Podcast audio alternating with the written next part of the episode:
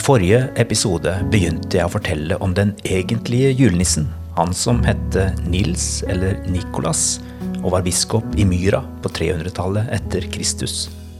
Det er en liten detalj i de mange fortellingene om Nikolas sin store gavmildhet som jeg tror har ganske mye med hans tro på Jesus å gjøre.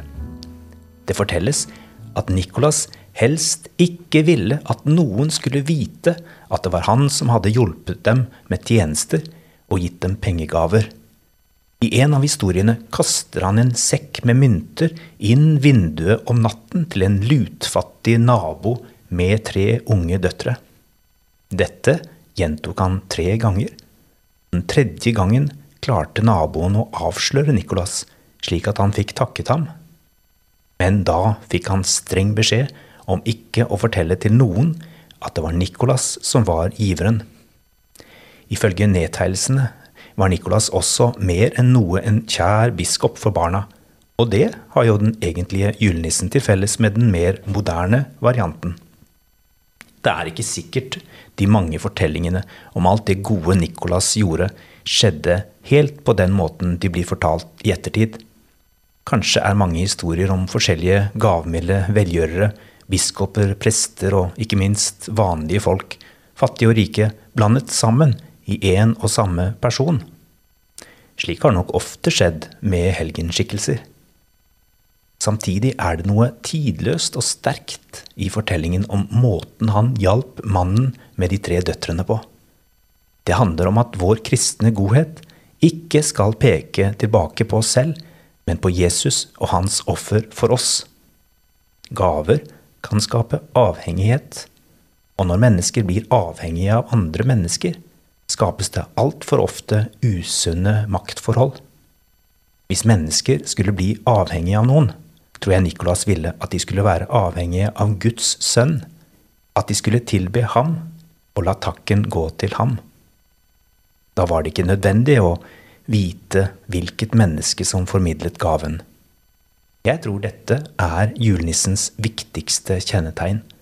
Og det vi virkelig kan lære, alle vi som forsøker å være etterkommere av Nikolas ved juletider, vi kan jo ta det hemmelige kodenavnet Nilsen, som betyr barn av Nils. Et bedre navn enn Nisse, som litt for lett kan forveksles med den noe gretne og kravstore fjøsnissen eller den eventyraktige Nordpolnissen. Det ligger også en annen hemmelighet i den egentlige julenissens måte å gi gaver på. Ved å ikke ønske at folk skulle vite hvor gaven kom fra, gjorde han det tydelig at han ikke forventet noe til gjengjeld. Ulikt fjøsnissen eller gardvorden som forventet ofringer til seg som gjenytelse for at han skulle hjelpe folket på gården og ikke gjøre nissestreker gjennom resten av året. I dette speilet Nikolas noe av Kristi evangelium. Da Jesus ga sitt liv for oss, gjorde han det uten andre baktanker enn å redde oss fra synd og død. Nåde betyr gratis, og Guds agapekjærlighet er betingelsesløs. Den kan ikke kjøpes eller kompenseres for med gjenytelser. Den kan bare tas imot i tro og tilbedelse. Det har hendt at jeg har fått julegaver under treet som det står 'Hilsen julenissen' på. Da er det en eller annen i familien som har ønsket å overraske meg med noe ekstra. Ofte viste det seg å være min kjære svigermor. Hun gikk bort for noen år siden, og vi savner hennes små overraskelser. Av og til har jeg altså forstått hvem som er julenissen, men kanskje skal jeg ikke være så opptatt av å finne det ut, for kanskje ville ikke giveren ha fokus på seg selv. Jeg foreslår at vi skriver Hilsen Nilsen på en eller flere slike hemmelige gaver, og så legger vi det foran døra til noen vi ønsker å velsigne.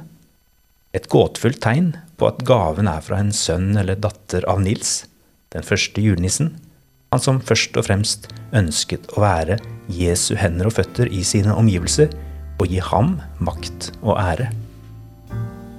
I neste episode om den første julenissen skal du få høre at Nikolas også kan bli kalt Nils Bekjenneren.